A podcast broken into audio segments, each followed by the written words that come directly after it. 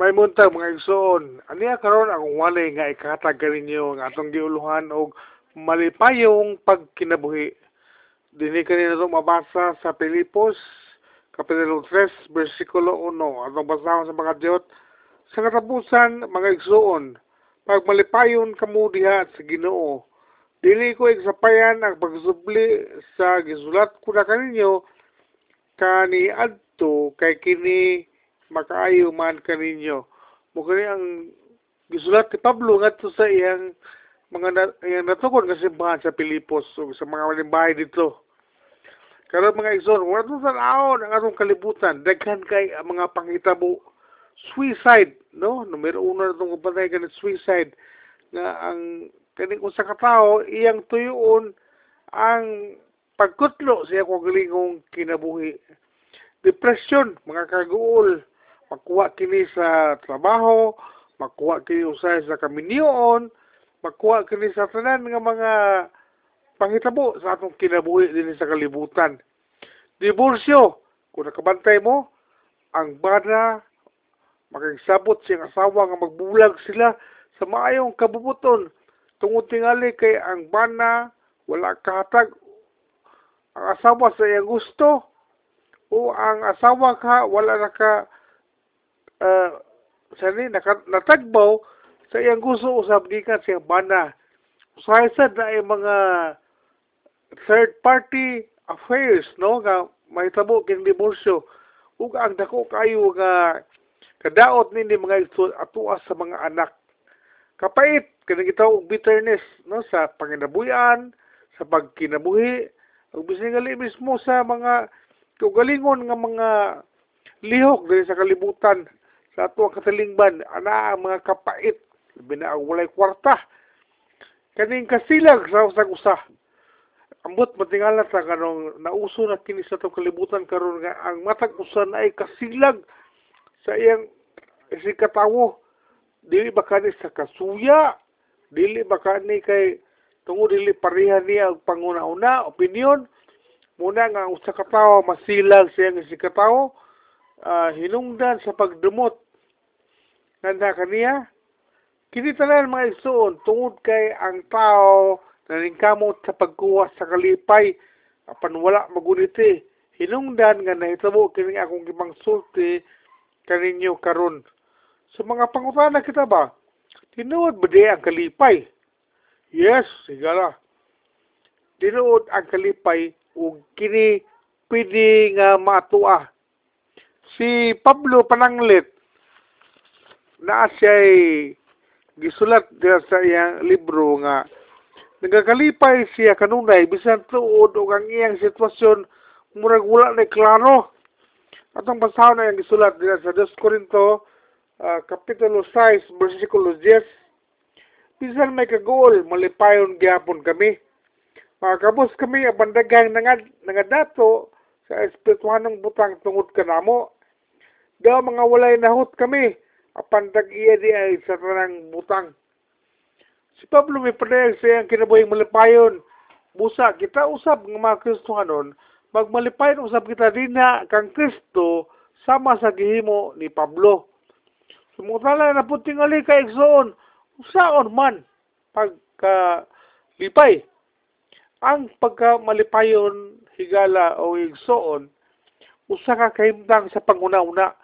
Sa matag, sa matag usa ka nato, ka pwede natong magunitan So naaragyo di ay kini sa ato ang una-una, sa ato ang utok tanan ang solusyon sa atong problema karon diri sa kalibutan. Ako ihatag ganinyo kini pipila nga ato ang matunan. Una sa tanan, mao ang dili nato pag-undang sa pagbasa sa pulong sa Dios. Mo kini ang pinaka-importante kay nga naman kaya naa din na ang tanan nga mando sa Dios ngadni kanato kabahin sa usa ka malipayong pagkinabuhi.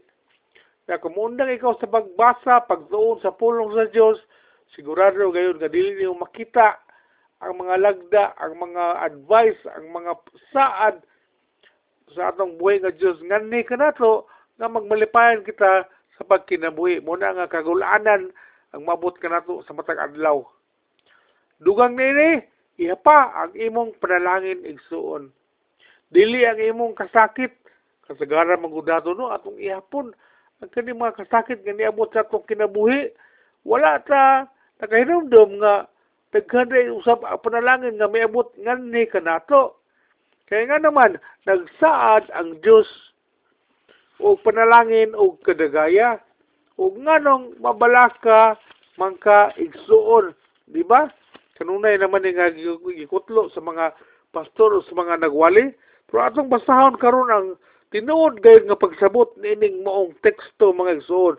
Matthew 6 versikulo 33 ang tinuod gayud nga paghubad nini ba apan labaw sa tanan pahariya ninyo ang Dios og pag kinabuhi kamo uyon sa iyang kabubuton ug ang ubang mga butang ihatag niya kaninyo o kini mga igsoon ang tinuod gayud nga pagsabot sa maong teksto sa Matthew 6 versikulo 33 pariw nato ang Dios dinhi sa atong pagkinabuhi o sa atong kinabuhi. Kasagaran man sa atong gikadlukan nga unsay may tabuugma wala gyud kini na tinuod. Di ba? Kabantay ka kung ato pa lang unta nga gikinabuhi ang matag adlaw daghan na to ang mulian sa atong mga ulcer ug nervous breakdown. Kanang makasulti man ko nini kana bitaw magsiga guna-una kay imuhang naa sa imo na sige usa lang naman yun kabutang mura kag nahadlok o nabalaka o sa metabugma muuna sa mo lihok dito sa atong tiyan nga maulser kita na ay panahon nga maulser kita dili tungod kay wala tay kaon kun dili sige na tong una ang mga gastric juice na sa tutriyan na naghan hinungdan nga wala man siya nagaling giot-ot sa asido ang atong tiyan na hinungdan nga na ulcer kita nervous breakdown daghan ka kita mga gipanghumra atong utok maglisod na og kaning kupot niini so sunod atong himuon suli ang pagpaambit sa naa kanimo ngadto sa ubang tawo dili maayo ang kanunay nga pagdawat lamang hatag usab sa uban. Kani una ani ba nga kani kasagaran ani mga Kristohanon nga ang ilang una-una sige lang hatagan sa ilang pangulong pastor sige lang hatagan gikan silang simbahan. Pero ang gibutang diri ba kasulay usab kay ikaw na usab ang muhatag ngadto sa bang tawo unsa lagi sulti di na Ginoo sa Lucas uh, 6, versikulo 38. No, paghatag kamo sa inyong isigkatawo, ug kamo hatagan, madawat ninyo ang hustong takos ug sobra pagani nga mag-awas kini. Ang sulanan nga inyong gamiton alang sa uban mausap ang gamiton alang kaninyo hatag mga igsuon no it's more blessed to give than to receive muna siya ang ninot kayo nga pagkasulti ba. So, biblical man ni siya nga religion, it's more blessed to give than to receive. Walay problema, pwede mo mo dawat, pero mas nindot yun nga, kita ang muhatag. Hatag unsay na, hatag nga malipayon. O ihatag na to, kaning ubanan usab sa pagpasalamat sa Ginoo.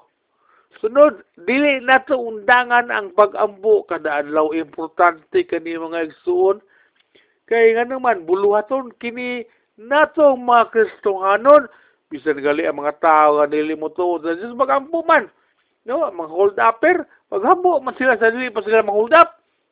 Oh, buluhaton kini nato, matag Kristohanon, nga kanunay gyud kita magpasalamat sa paggiya sa Dios sa atong kinabuhi. Na diri mga igsuon ang Yahweh sa atong kalipay. O kini sunod, himo usab nga ang ubang butang nga mas bililhon kaysa uban ato ang himuon nga kining kining butang nga mas importante na kay priority ba o kani importante ni diri dapit kani dili kay ni di sa dako ni apelon sa kung kinabuhi karon no tipigi ang mas importante. Og mo kini mga igsoon ang espirituhanon nga mga butang. Dayon ato ang ihiklit usa kato mga material nga mga butang nga wala kay nato kinahanglan to kay kani may importante gayon sa atong pagtubo ngadto sa kamtong.